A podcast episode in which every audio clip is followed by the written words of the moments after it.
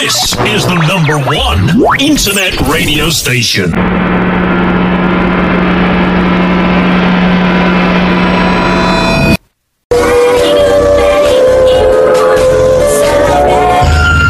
Yuk, kita masuk. Apa? Masuk ke rumah itu? Iya, lu takut ya, Det? Ah, enggak. Tapi Sesuatu yang menimbulkan perasaan ngeri atau takut yang amat sangat. Terjadi di luar nalar akan kita bahas di sini bersama saya Algasa dengan beberapa narasumber di podcast misteri kisah horor.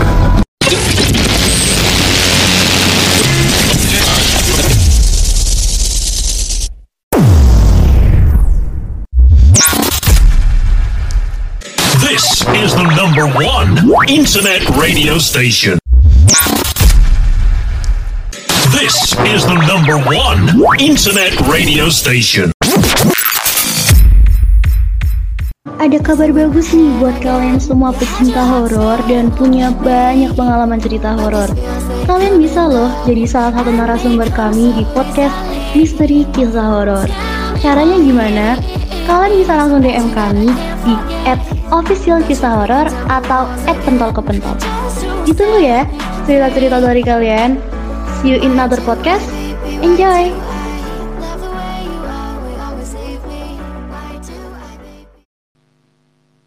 Oke lanjut. dari oke dari perjalanan perjalanan dari kampus ke rumah itu biasanya memakan waktu paling cepat setengah jam atau 20 menit Oke ini ada Ini- suara apa ya?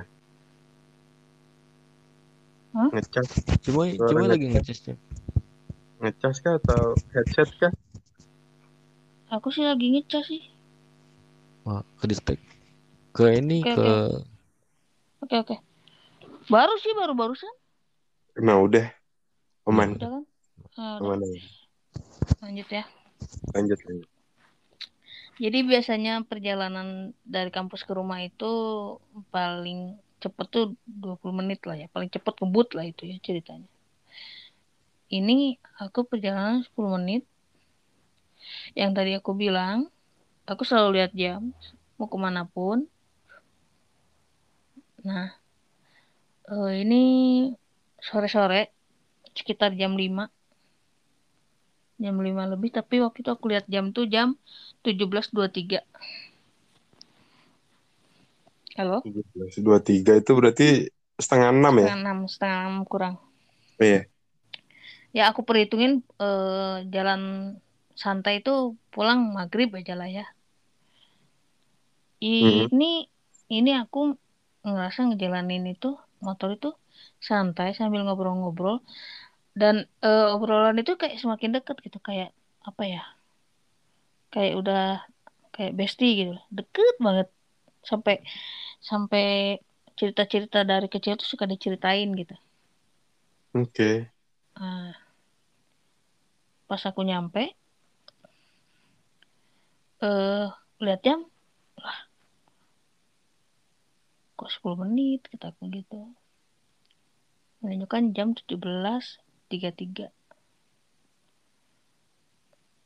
Udahlah, aku pikiran waktu itu kan belum inilah ya, karena belum ada ke arah ke arah ke sana, karena aku nggak nggak mengulik juga ke sana kan Oke. ah. udahlah sebelum masuk tuh kan orang tua aku orang tua tuh kan kayak depan rumah tuh pe- pelihara eh, burung gitu ya banyak di kandang Hmm. besar gitu kayak eh, parkit lovebird Oke. sebelum masuk si burung itu biasanya nggak berkicau itu berkicau semuanya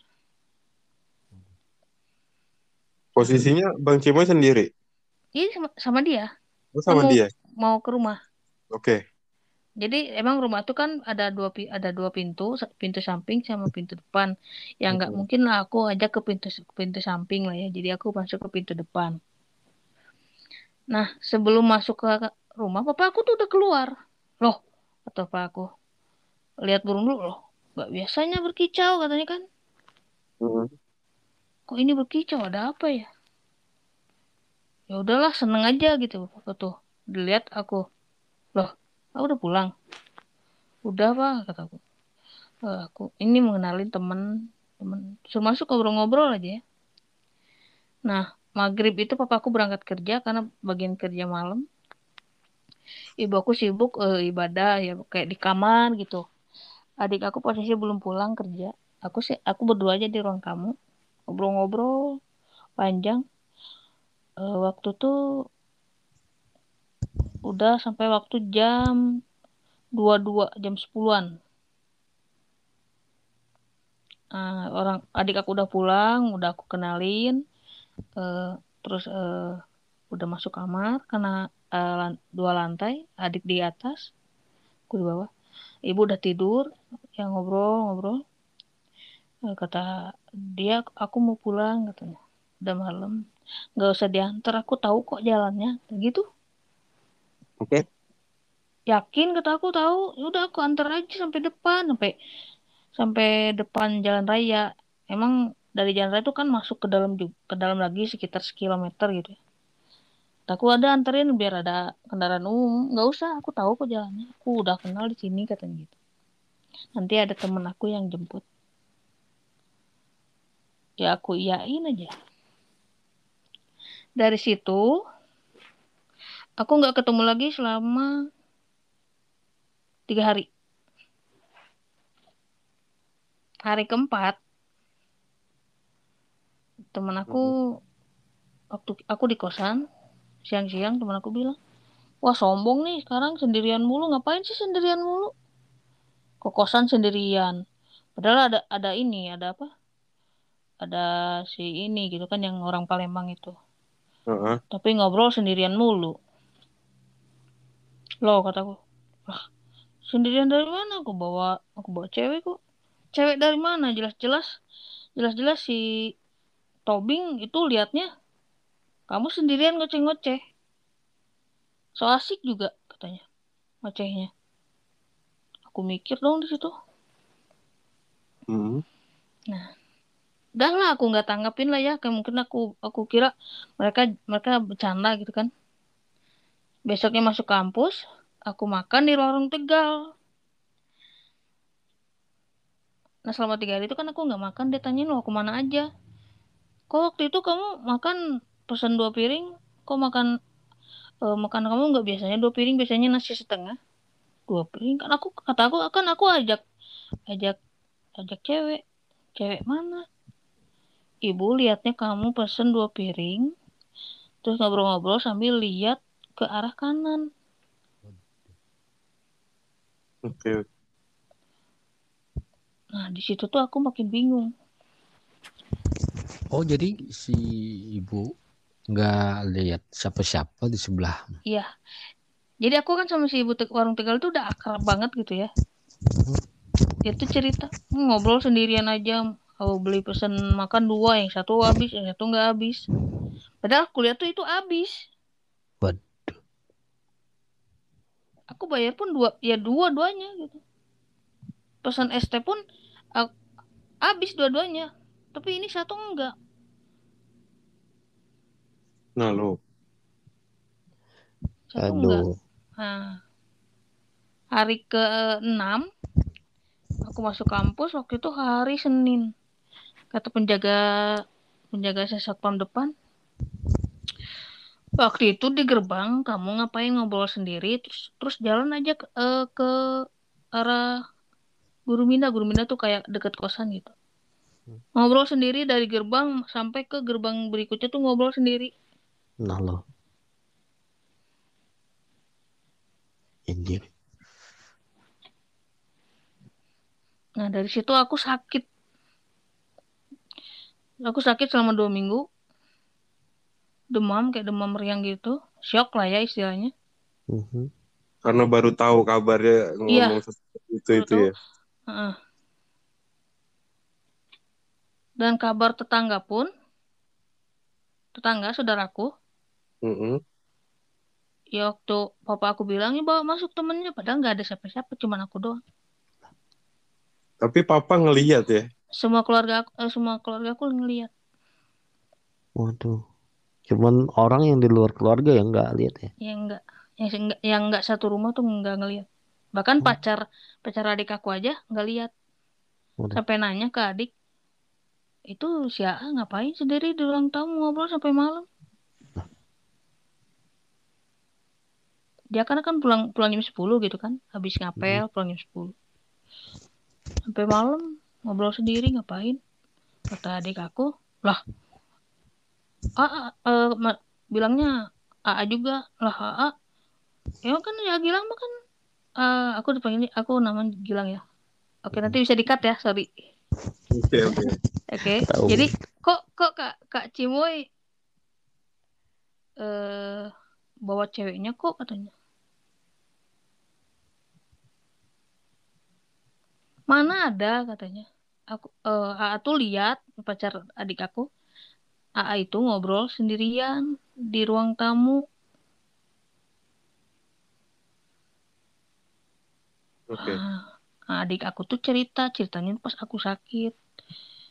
Papa aku papa aku mama aku tuh sampai sampai semua pada shock. Nah di harinya aku masuk kuliah aku ketemu lagi aku dari jauh udah ketakutan. Tapi pas mau lari itu halo aman? Aman. pas mau lari nggak bisa badan tuh nggak gerak nggak bisa gerak. Waduh. biasa aku nongkrong di depan itu ya depan ruangan guru ruangan dosen. Biasa ngerokok tuh nggak bisa gerak sama kali dia nyamperin aku. Udah tahu kan aku siapa Ini Dia bilang begitu. udah tahu kan aku siapa lagi lagi lah. sekarang aku mau tanya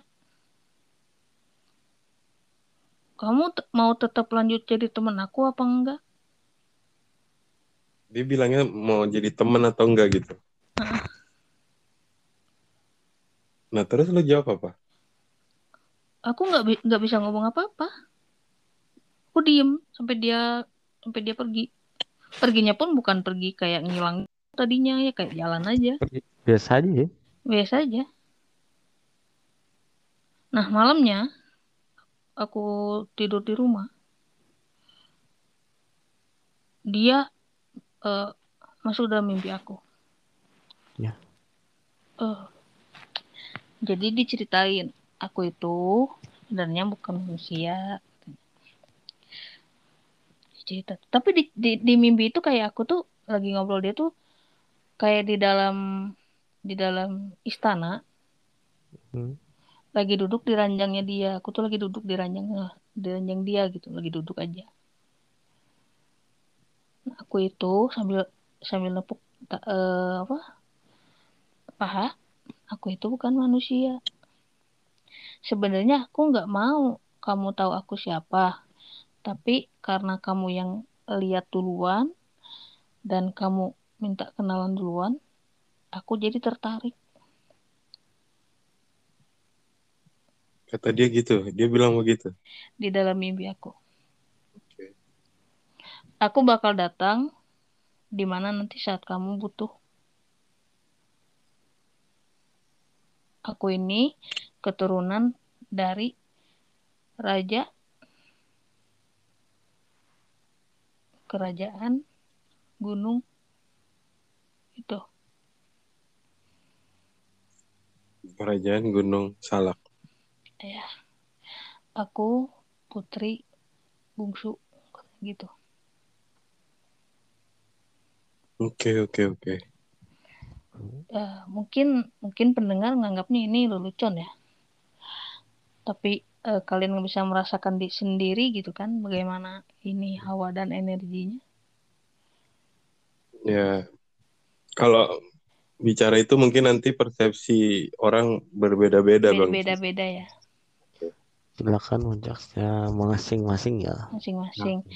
Eh, aku di sini hanya menceritakan karena udah janji aku gitu mau mau cerita. Iya. Dan di podcast ini juga kita nggak memaksa pendengar buat Penuh. percaya sama cerita-cerita yang mungkin teman-teman dengar di podcast ini gitu. Ya. Mm-mm. Tapi cerita Tapi ini belum belum beres pak. Iya. Oke, kita lanjut dulu ya. Oke, Lanjut. lanjut. Eh, jadi setiap malam aku pengen ketemu tuh dia pasti hadir.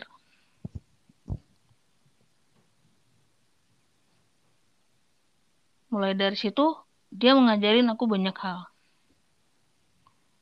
Oke, contohnya? Contohnya cara ngobatin orang kalau misalkan lagi kesurupan Mhm. atau cara dia cara cara membuka mata batin, cara menutup mata batin. Mungkin bagi bagi sebagian orang nggak percaya untuk menutup mata batin, tapi aku sendiri bisa menggunakannya. Istilahnya kapan aku mau buka, ya aku bisa buka, tapi kapan aku mau nutup, ya aku tutup. Oke, oke, oke, oke. Aku aku diajarin juga cara melawan, aku juga diajarin cara mengontrol. Itu dia ngajarinya semua dari mimpi atau setelah dari mimpi itu? Jadi kalau malam dia datang, kalau aku pengen dia datang dia datang.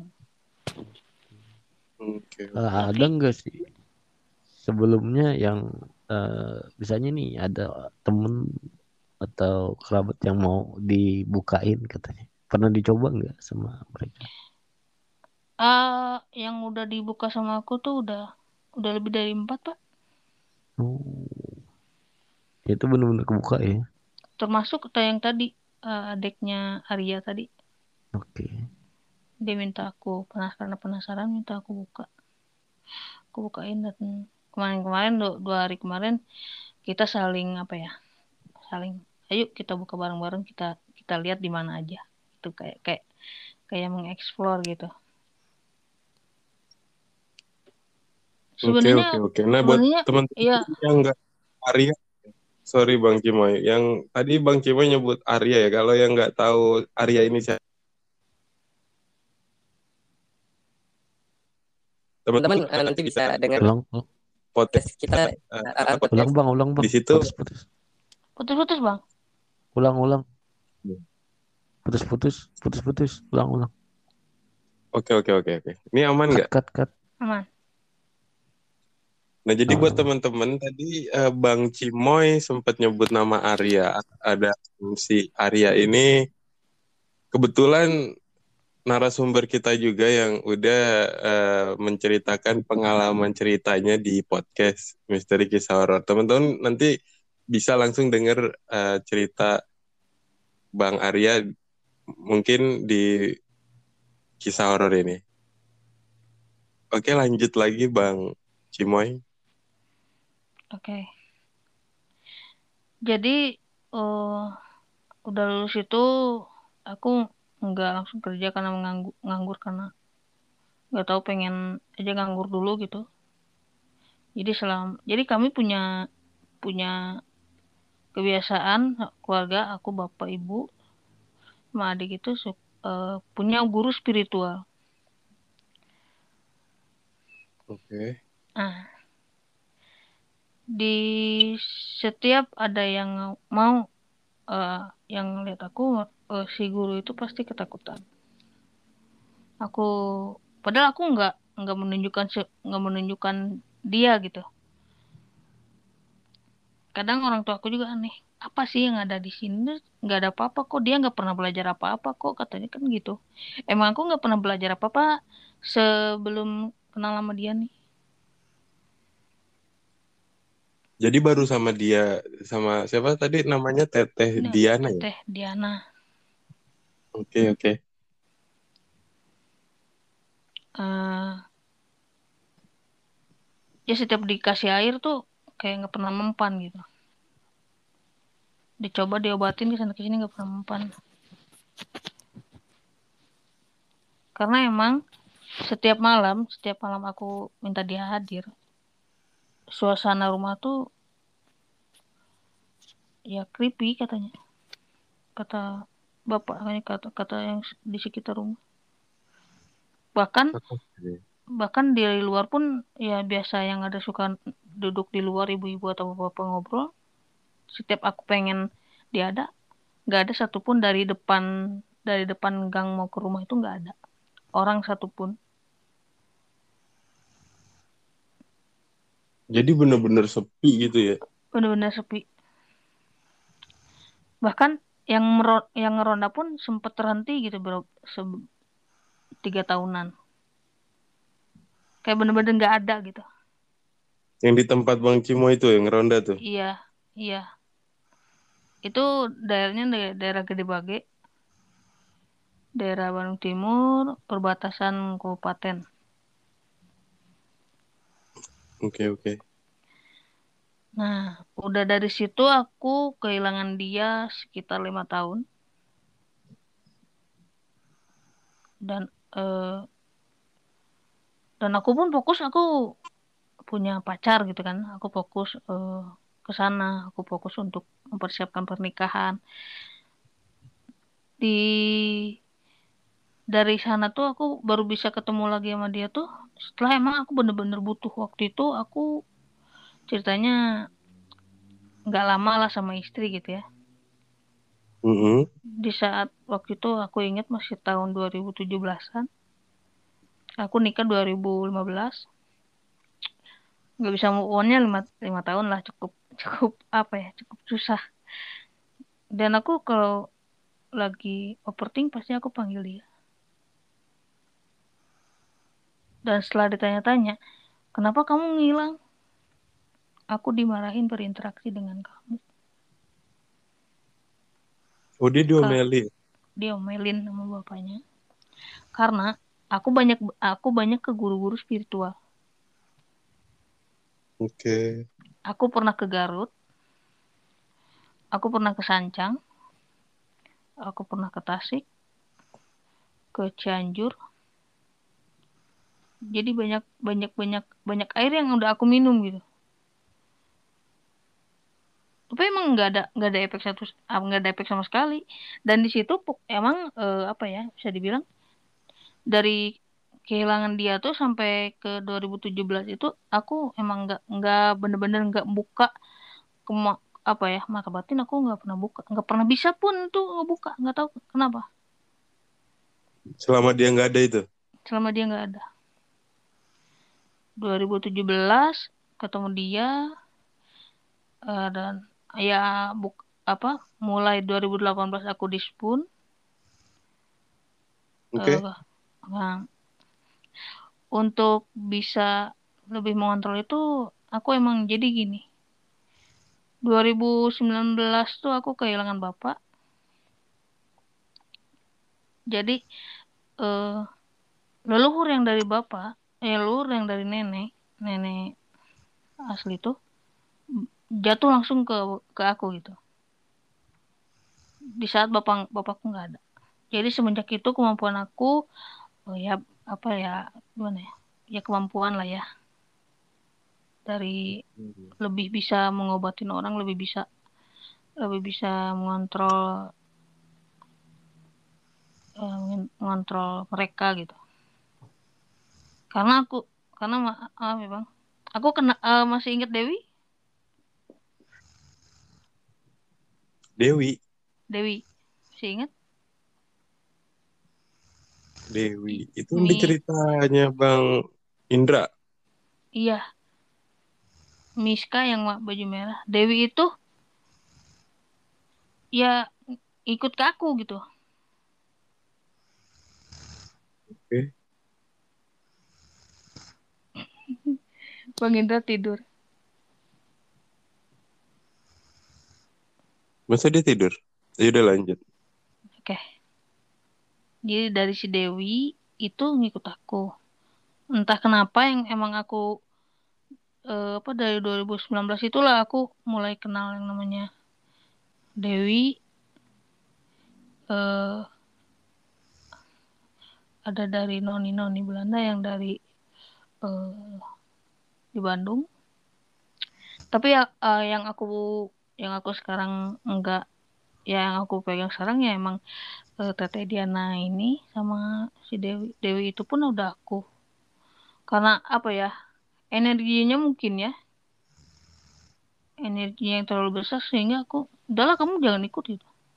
Karena setiap aku gini ya bang Al setiap mau maghrib dari maghrib sampai pagi tuh kepala aku pusing.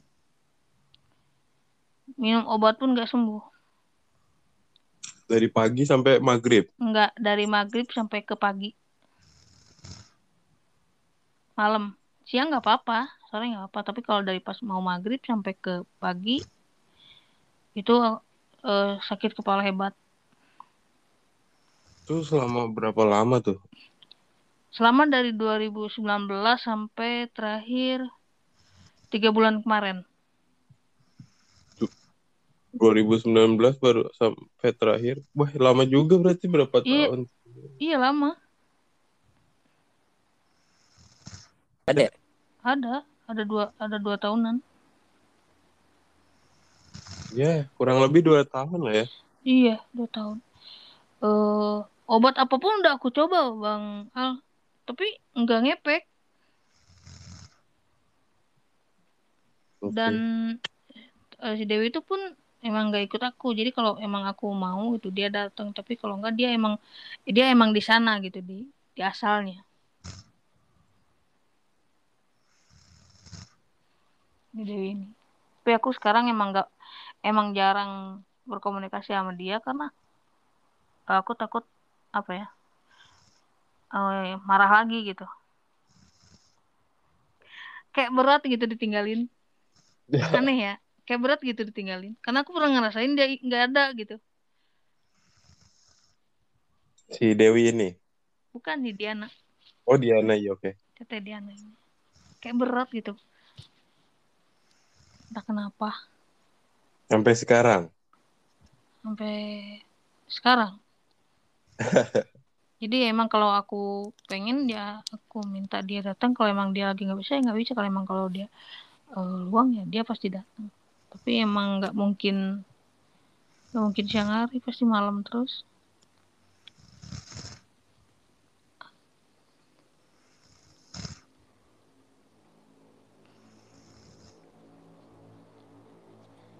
Sampai sekarang. Heeh.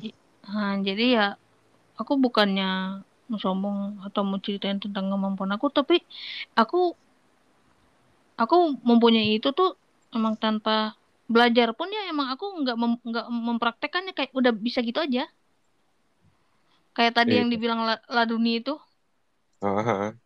ya kayak bisa ngedadak aja, Jadi ya nggak dicari ya sebenarnya. ya. nggak dicari. Kalau belajar pun aku nggak pernah bisa gitu Oke, oke. oke. sampai sekarang. Oh sekarang masih ada di sana? Masih. Lah ini ada Bang Indra kirain tidur. Enggak. Hampir. Iya. Ya udah udah- Udah malam sih. Iya. Di tempat Bang Indra nih kayaknya udah jam 2. Betul sekali kan kita wita. Iya jam 2 ya. Di sini masih jam satuan. Jam 1 di sini belum malah.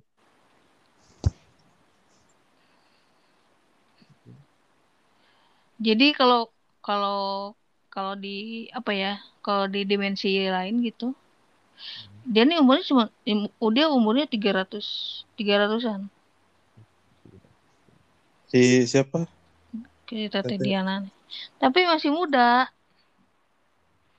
Karena di bangsa di apa di bangsa jin itu Heeh. sa- umurnya sampai ribuan tahun. Aku pernah baca buku. Eh, nama bukunya tuh Dialog dengan Jin Muslim. Kalian kalau penasaran tentang perjinan bisa bisa baca buku itu. Buku itu terbit tahun 2000-an. Oke oke. Kalau penasaran tentang Dajjal, penasaran tentang eh, magicnya David Copperfield, ada di situ semua perjanjian David Copperfield dengan iblis itu pun ada. Iya. Tanda tangan, tanda tangannya juga ada. Masa sih? Serius? Tahu segitiga bermuda nggak? Iya. diceritakan juga di situ. Kalau teman-teman mungkin penasaran gitu ya. Daripada sekarang teman-teman baca cerita-cerita apa? Horor mending baca itu. Kalian punya apa ya? Kayak punya pegangan jadi eh makhluk atau dimensi lain tuh ya sama kehidupannya kayak kita. Aktivitasnya pun sama ya. Sama. Jadi kalau kalau siang itu biasa normal. Normal yang anak kecil yang sekolah, anak kecil yang main di di buku itu. Tapi kalau setiap azan mereka sembunyi kayak sembunyi di selokan, sembunyi di pipa-pipa pembuangan air. Setiap Makanya setiap azan, azan. Oke oke. setiap azan di buku itu diceritakan. Ini di luar Tete Diana ya. Oke. Jadi kalau kita ngebuang bekas air pa apa ngebuang air panas ke pembuangan air atau kayak di wastafel kayak gitu di tempat cuci piring. Itu jin itu anak anak-anak eh, itu tuh terluka luka kena luka. Kena Karena air setiap- itu ya. iya karena setiap eh, ada azan mereka sembunyi di situ. Iya, makanya gue pernah dengar eh, kalau mau buang air panas ya kayak ke wastafel atau ke pembuangan air itu kalau bisa jangan langsung air panas, jadi dicampur sama air biasa dulu, airnya Iya. biar dingin, Ah, ah, Iya, baru biar dibuang. Hmm. Terus kayak kita harus kayak ya numpang-numpang gitu ya.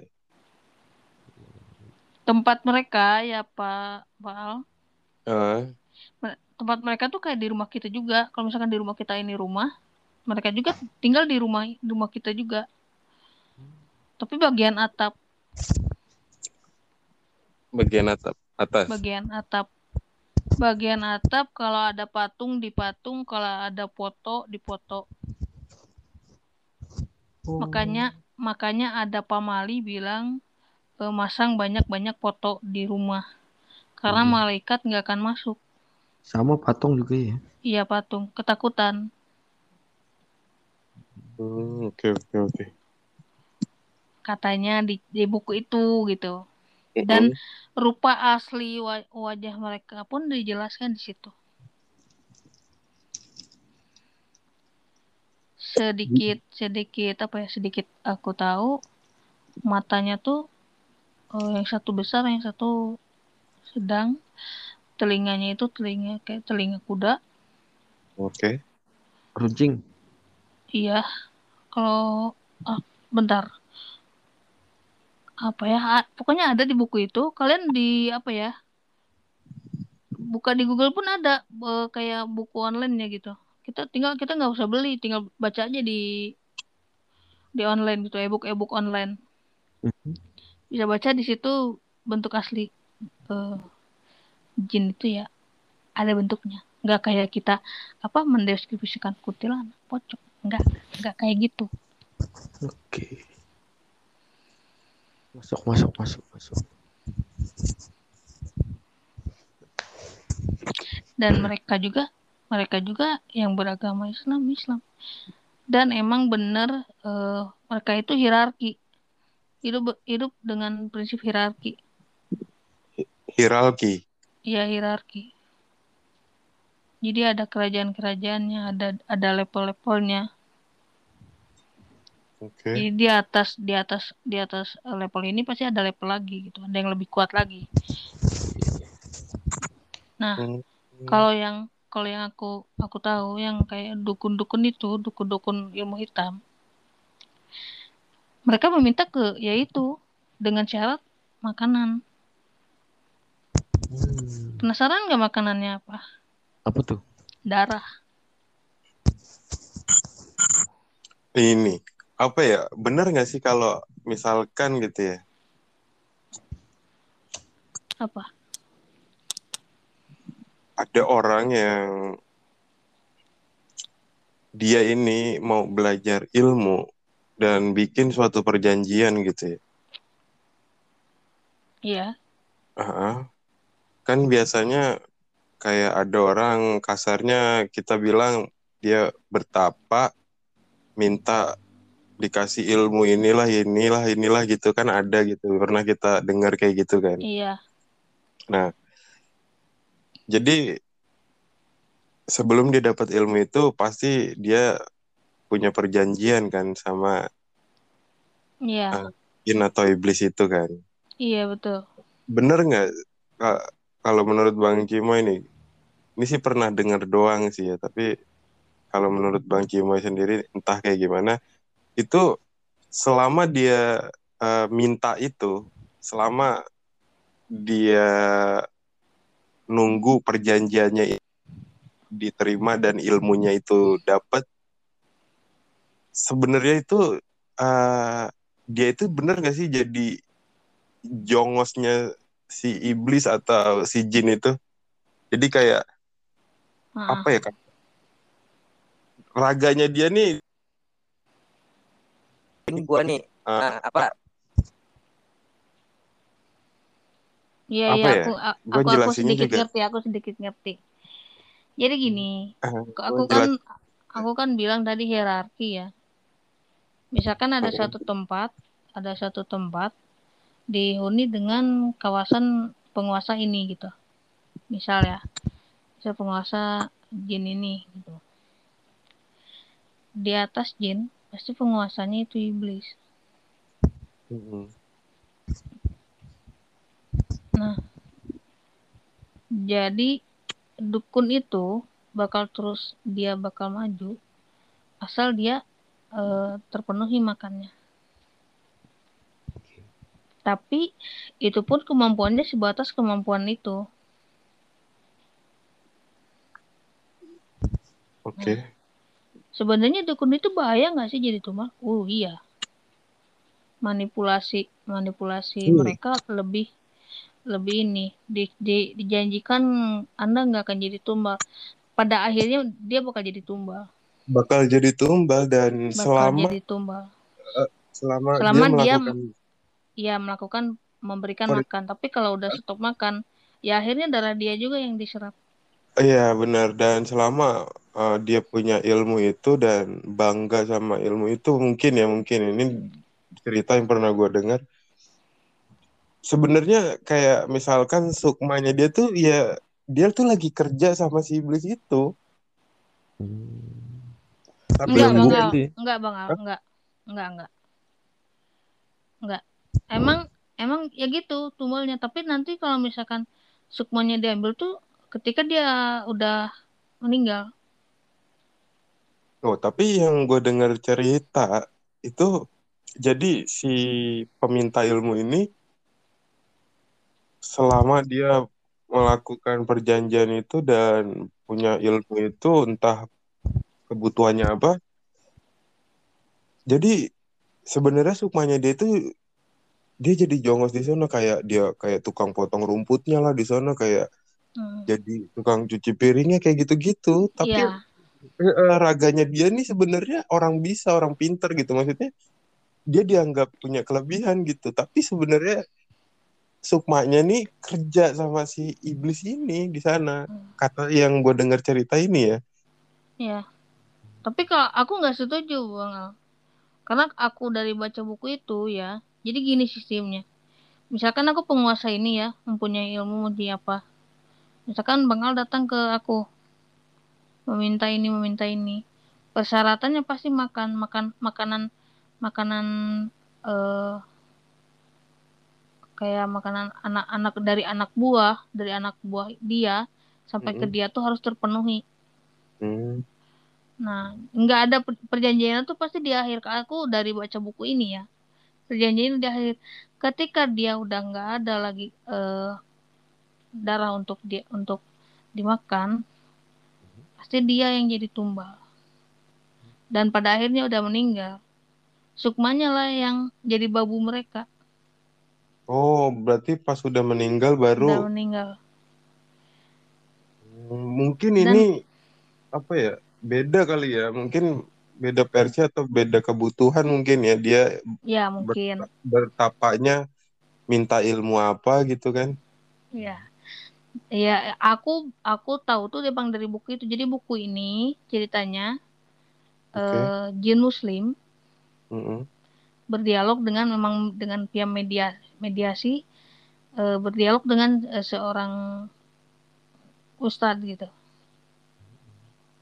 Nama ustadznya tuh Muhammad apa gitu. Aku aku lupa namanya. Jadi diceritakan semuanya di situ Oke. nah Oh jadi eh, kalau kalau kayak korban tumbal itu sama nih. Berarti sukmanya juga dijadiin iya babu gitu iya juga ya. dijadiin babu contoh seperti ini contoh seperti ini dukunnya tuh aku ya dukunnya aku terus aku Mm-mm. punya punya murid eh, Bang Al dan Bang Al gitu ya Nah Bang Al udah jago juga punya murid eh, Bang Venom. Sebelum sebelum aku yang jadi tumbal kalian dulu yang aku tumbalin. Kalau misalkan kalian nggak bisa nggak bisa bawa nggak bisa bawa pasien. Iya, iya. Oke oke oke. nah itu jadi kalau misalkan ada dukun maaf ya maaf nih eh, misalkan memberi air kepada pasiennya misalkan gini contohnya ini kesurupan dia ketempelan Hmm. Nah, terus datang ke dukun ini. Dukun ini dikasih air. Eh, jin yang di dalam tubuh si eh, pasien ini keluar benar. Tapi dia memasukkan jin jin jin dianya ke si Tubuh badan. pas. Jadi Oh. sebenarnya nggak ada pengobatan ke, kalau dalam Islam pengobatan satu-satunya itu ya. Mm-mm. nggak ada tuh yang jampe-jampe dikasih aduh aku juga punya guru ya dia juga emang punya lewat air gitu aku membuka itu lewat air karena eh, diceritakan air itu adalah obat untuk demam juga menurut eh, aku pernah aku pernah dengar juga jadi sunnah sunnah rasul itu kalau mengobati demam itu dengan air. Nah jadi syair syair ini syair ini media. Ya tergantung mau memberinya kan mau memberikannya yang baik apa buruk itu aja sih. Mm-mm, mm-mm. ya Air itu ya, te- sebagai ya, media. ya tetap juga kalau misalkan air ini udah masuk ke tubuhnya si pasien ya si pasien nggak 100% sembuh lah tetap aja diserap Oh tetap ya karena ya ada jin itu ya. ya masuk Mm-mm, mm-mm. misalkan nanti udah berobat lagi ke tempat ini sama juga kayak itu kecuali dia dirukyah bener-bener dirukyah dikeluarkan dari badannya Ya, Jadi sama seperti jadi jinnya gonta-ganti tuh ya bisa bisa dibilang ya yang bisa satu gonta keluar ganti bi- bisa gonta ganti bisa menambah bisa menambah. iya Hmm, Oke oke. Seperti itu. Eh, dasarnya para makhluk gaib bisa memanipulasi. Iya memanipulasi. Sebenarnya ya menurut aku belajar dari bukan dari buku ya aku baca-baca juga aku nonton juga. Sebenarnya kalau kalian minta mau emang udah siap dengan semua resiko kalau emang pengen kepintaran misalkan pengen kekuatan pengen kekayaan gak usah minta ke dukun minta langsung ke iblis. Iblis utama itu yang sembilan. Langsung aja ya? Langsung aja. Dengan dengan apa namanya tuh dengan cara cara pemanggilannya. Cara pemanggilannya pun ada sekarang. No. Misalkan tapi ya jangan tapi ya jangan lah ya ya tapi ya tapi ya tapi jiwa kalian langsung diambil. Maksudnya No. ya kalian kaya tapi jiwa kalian diambil ketika suatu nanti kalian nggak ada kalian jadi babu mereka. Itulah jaminannya ya kan? Dan itu resiko. jaminannya. Ya kata aku memang kalian udah siap resikonya gak usah minta ke dukun. Jadi misalkan eh, dukun itu kita minta 1 m. Ya mampunya cuma itu. Mhm. kalau minta langsung ke ini 1000 m pun dibe- dikasih. Dikasih ya. dikasih mau mau ratusan triliun pun dikasih Ma, pertanyaan kuat nggak ngelihat wujudnya? nah itu yang dia satu itu yang kedua siap gak jiwa kalian sampai neraka Nah, nah tuh dia itu Ini ketemu yang cengkeremennya aja kita mau udah kabur. Iya, kita aja yang ngedenger cerita aja udah merinding. Makanya, apalagi disuruh, waduh, gitu. Iya, ini emang emang tapi kan ini ya, aku memberikan ilmu supaya kalian tahu gitu. Para pendengar tuh tahu. iya. Jangan jangan Kita di- gampang ya, ya. jangan gampang pergi ke orang pinter orang pinter. Iya benar. Jadi eh, mungkin boleh tapi bisa milih-milih ya. Bisa milih. Kalau emang mau pengobatan rukiah langsung aja bener-bener rukiah karena rukiah itu eh salah satu pengobatan emang yang dikeluarkan gitu. Iya. Ada Karena juga tuh yang Gimana? yang pengen pengen cepet kaya katanya kan pergi ke dukun ya. Lalu lihat dulu dukunnya kaya apa enggak ya. Nah itu. Tapi Kaya emang nggak enggak. pernah kaya dukunnya.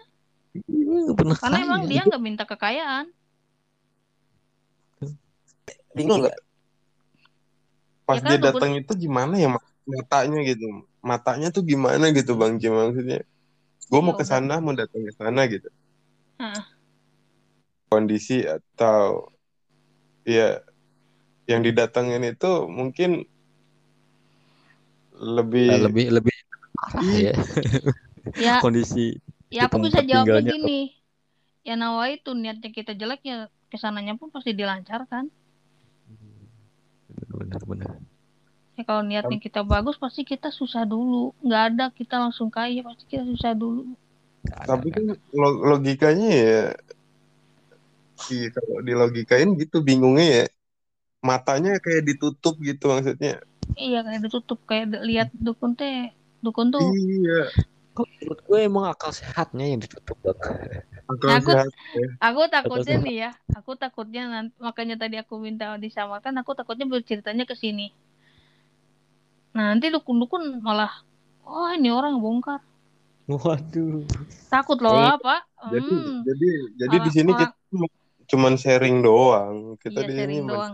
Tapi kan kalau orang yang merasa, maaf ya, tahu sendiri orang yang merasa eh, sok-sok bisa pun pasti, ya udahlah, cobalah, tembus kan dia, kayak gitu kan suka gitu kan? Iya, Ya, mungkin ya enggak juga sih kalau gue bilang sih. Ya nggak tahu sih ya beda-beda lah. Balik lagi Beda-beda. persepsi orang. mungkin ada yang ditanyakan lagi, sok mumpung mumpung Nah, buka aja. Jadi, jadi sebelum kita lanjut ke arah perdukunan atau per- cerita tentang Diana itu endingnya itu ya endingnya emang nah, sekarang ya ya kalau aku panggil ya pasti datang pasti ya. Jadi so- masih bisa ketemu lah ya walaupun masih bisa ya, ketemu masih kangen sama flashback Iya. flashback ya. iya nah yang tadi bilang kalau dia marah pasti ngeluarin wujud aslinya dan itu yang paling aku takut Hmm. aku pingsan loh pak pas pas lihat yang aslinya Waduh, sampai pingsan gitu. iyalah yang lihat wajah cantiknya aja udah mesti ketakutan Ya kan Ah, oh, ini Bang Cimo itu ya belum mungkin belum lihat video gua yang di mana gua tangkap sendiri sama kamera HP gua dan kejadiannya ini di tahun 2019 juga. Mungkin nanti kita bisa angkat ceritanya mungkin nanti ya. Nanti boleh boleh. ya jadi mungkin ada beberapa yang mungkin gua tanyakan ke Bang Cimoy. Semoga pertanyaan ini gue dapat jawabannya nanti ya sama gitu kayak yang udah-udah gue tanya gitu. Cuman mungkin nantilah di di segmen berikutnya.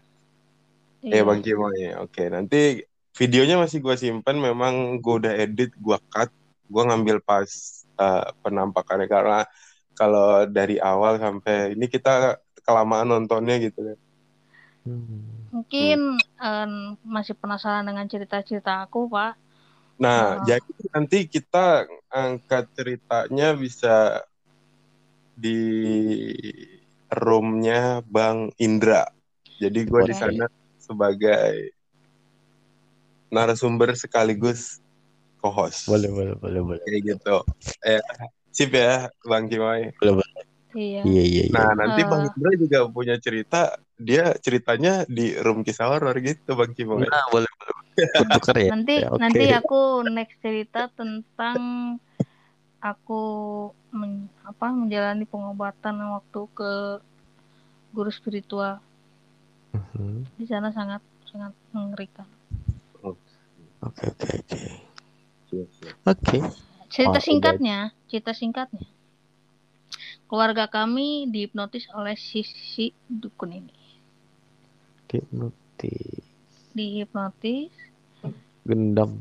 Gendam. iya, Apa sih? tapi Telur. di iya gendam. Dihipnotisnya juga lewat air kok. Eh teman eh teman. Adik gue pernah kena gendam, entah gendam atau hipnotis ya. Jadi gini, ini sedikit singkat ya. Dia ini dikasih uang sama nyokap gue 5 5 juta buat beli handphone kan dia en- entah sih 5 juta beberapa sih setahu gue kayak dia minta tambahin deh dan total handphone itu harganya 5 juta waktu itu ya waktu itu ya Iya, pada tahunnya itu masih masih mahal gitu ya. Iya benar. Nah, dan waktu dia datang ke mall nih buat pengen beli, sebelum nyampe tujuan, dia kena loh kayak gitu. Maksudnya kok bisa ya? Dia kenanya nih katanya sih ya gue gue emang gimana ceritanya? Jadi gue pengen ke toko itu katanya. Terus ada orang nyamperin gue. Dia sebelumnya nepuk gue dan dia nyodorin handphone lah dan handphonenya tuh sama kayak yang punya gue ini sekarang kayak gitu ya kan Hmm. nah terus akhirnya gue nggak tahu tuh gue ditanya-tanyain gue bilang aja gue mau beli handphone gini gini gini gini. Terus gue nggak boleh nggak dibolehin ke toko itu kata dia. Nggak dibolehin. Nggak dibolehin ke toko itu akhirnya gue tahu-tahu sih sadarnya pas gue udah pulang aja sih kok kayak ada yang aneh gue kok pulang nggak bawa apa-apa gitu. Terus iya bang. Terus pas dia mau ngecas handphone ya kata dia handphone gue juga mati lagi kata dia perasaan gue juga hidup handphone gue bawa terus gue tadi ke mall ngapain ya? Kayaknya gue pengen beli handphone dah. Tapi duit gue kok nggak ada kata dia. Anjir itu handphone jadinya. Handphone sama duitnya dia ini ditukar. Handphone ini pas gue bongkar ya. Itu isinya cuma besi doang coy. Jadi handphone aslinya tuh di tangannya dia dan duitnya itu diambil sama dia juga. Padahal temen eh adik gue ini sama temennya berdua Dan temannya itu gimana? ya cuman melongo aja lah maksudnya ya nggak ngomong apa-apa. Sama-sama melongo berarti. Iya. iya iya bener jadi mau ke arah dikit lagi kata dia orang tinggal satu toko lagi bedanya kata dia gitu kan. Mhm. tapi gue nggak dibolehin kata dia. Gue pulang-pulang udah begini katanya. Kok gue dapet handphonenya? Iya. Jadi jadi ludes loh. Itu bisa begitu ya? Bisa, Pak. Gendam itu eh itu gendam apa hipnotis tuh jatuhnya kata dia sih dia Eh? nah lo nah lo. Sebelumnya tuh aku dengar suara perempuan loh. Nah lo, siapa nggak aku bilang eh? Nggak tahu. Nah eh, kataku.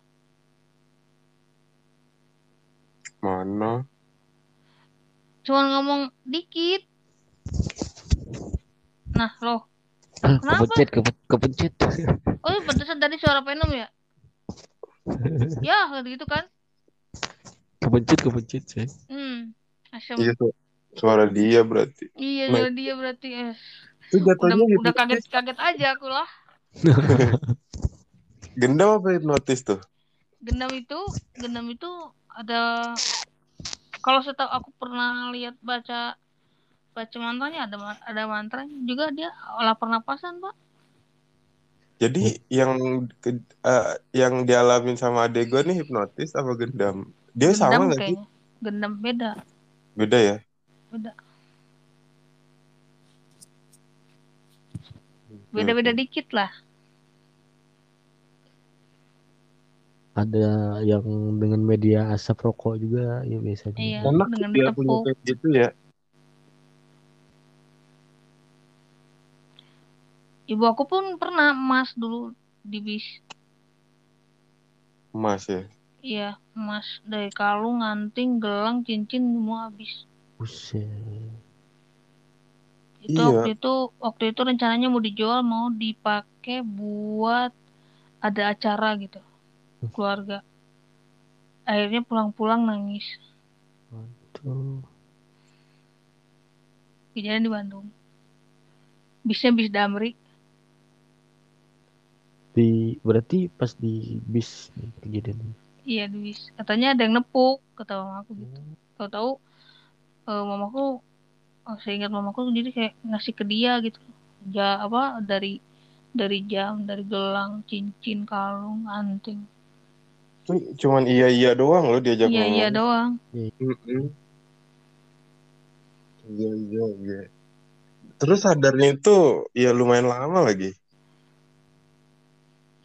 Terus emang